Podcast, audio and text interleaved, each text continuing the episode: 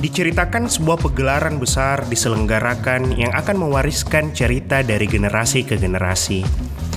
Pegelaran ini adalah ajang kompetisi dua makhluk Tuhan yang memiliki rupa yang berbeda. Pada sudut paling kiri tersebutlah makhluk yang kerap kali dijuluki salah satu yang tercepat, kelinci. Sementara sialnya, lawannya adalah yang kadang terhina karena kelambatannya, kura-kura. Penonton riuh karena telah dapat menebak hasil kompetisi tersebut. Kelinci akan menang mutlak pastinya. Semua bergumam dalam hati. Namun siapa yang dapat menebak nasib? Sang kelinci dipermalukan. Kura-kura menjuarai lomba.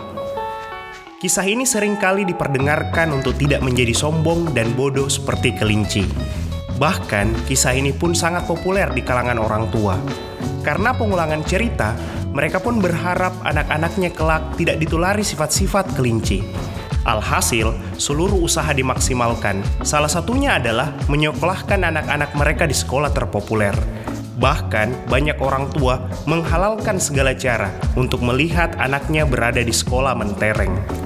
Namun, apakah ini tindakan yang tepat? Check the mic and make sure it sound right, boys. Anda bersama Putra di Papa Muda, podcast tempat seorang bapak-bapak mengeluh tentang banyak hal.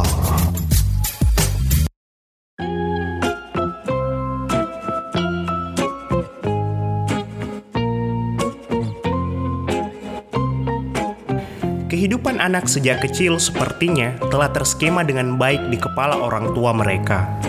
Beberapa di antaranya mengusahakan anak mereka untuk diterima di sekolah terbaik, melanjutkan sekolah di universitas terbaik, lalu mendapatkan pekerjaan yang terbaik pula.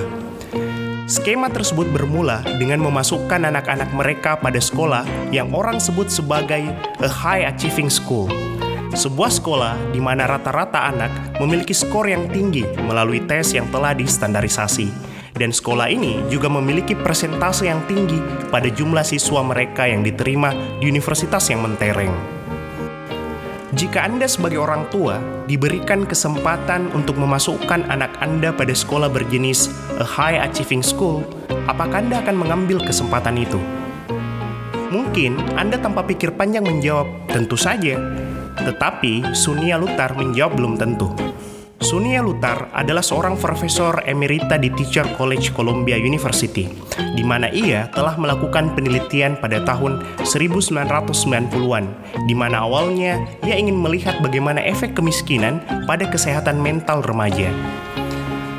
Pada penelitiannya pada remaja di dalam kota ditemukan bahwa mereka yang berada pada status kemiskinan memiliki tingkat kecemasan, depresi, dan penyalahgunaan zat yang tinggi. Namun, salah satu alumni di tempatnya bekerja mempertanyakan bahwa mungkin saja kondisi yang sama juga terjadi pada remaja dari keluarga yang lebih makmur, bukan saja mereka yang dari keluarga miskin. Untuk menjawab pertanyaan itu, Sunia Lutar juga melakukan penelitian yang sama pada remaja yang tinggal di daerah pinggiran kota dan berlatar keluarga yang memiliki perekonomian yang jauh lebih baik. Sunia Lutar menemukan ternyata mereka bahkan memiliki tingkat kecemasan, depresi, dan penyalahgunaan zat yang jauh lebih tinggi. Pada penelitian lanjutan yang dilakukan oleh Sunia Lutar, ditemukan bahwa variabel yang paling signifikan memunculkan masalah-masalah tersebut adalah karena siswa-siswa ini berada pada sekolah-sekolah mentereng.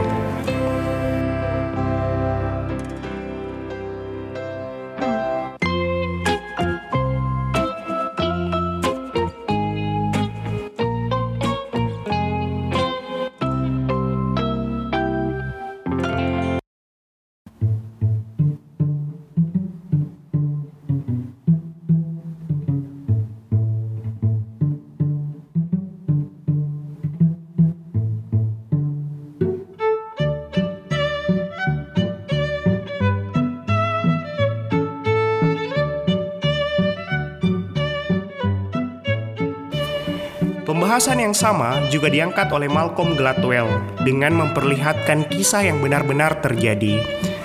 Gladwell dalam bukunya David and Goliath memperkenalkan Caroline Sachs, nama samaran. Caroline, seorang siswa yang cerdas tinggal di Washington DC, bahkan melalui sekolah menengahnya dengan menjadi siswa top di kelasnya. Dia bahkan mengikuti dua mata kuliah yang dianggap sulit oleh banyak orang, yakni ilmu politik dan kalkulus multivarian. Di kolese setempat, bahkan pada saat ia masih berada di sekolah menengah atas. Caroline mendapatkan nilai A pada dua mata kuliah tersebut, Bukan saja sampai di situ, bahkan ia mendapatkan nilai sempurna di setiap kursus pra-universitas yang diikutinya.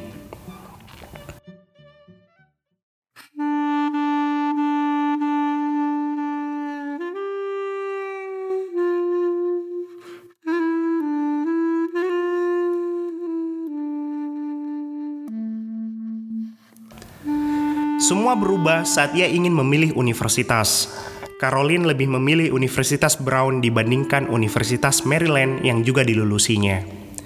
Ketika ditanya, apakah pilihan dari Caroline seks ini tepat? Sebagian besar dari kita akan menjawab, iya tentu saja. Universitas Brown merupakan salah satu universitas bergensi, bahkan masuk pada anggota Ivy League.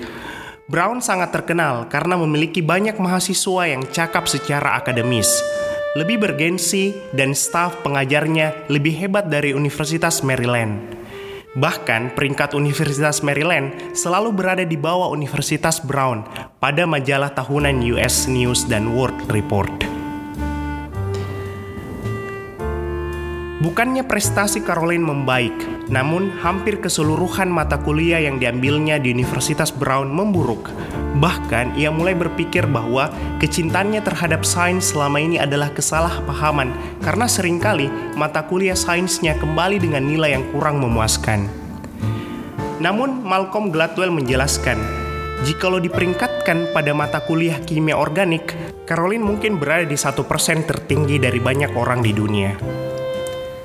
Dalam psikologi, kita mengenal sebuah ungkapan relative deprivation, yakni kekurangan yang dirasakan oleh individu karena membandingkan dirinya dengan orang lain atau kelompok tempatnya berada. Caroline adalah seorang yang cerdas, namun ia tidak membandingkan dirinya dengan semua orang di dunia, namun membandingkan dirinya dengan mahasiswa Universitas Brown. Inilah yang bangun konsep dirinya bahwa ia adalah orang yang lemah dalam akademik, padahal tidak begitu. Memilih di mana harusnya menyekolahkan anak menjadi sebuah pilihan yang tidak dapat disimpulkan begitu saja, karena akan banyak variabel yang menyertainya. Juga memilih untuk memasukkannya ke sekolah mentereng.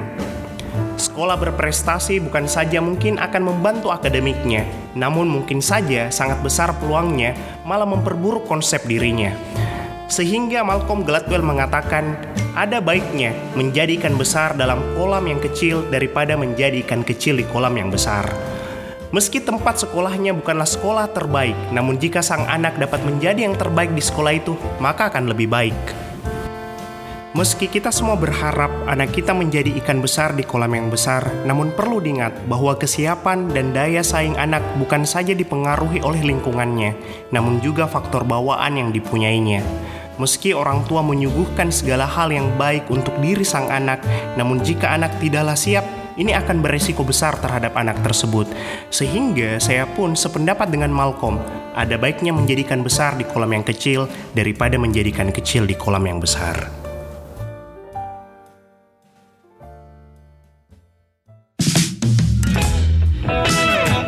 Itulah podcast kita hari ini. Sampai jumpa di lain kesempatan. And let's always remember to be kind to one another.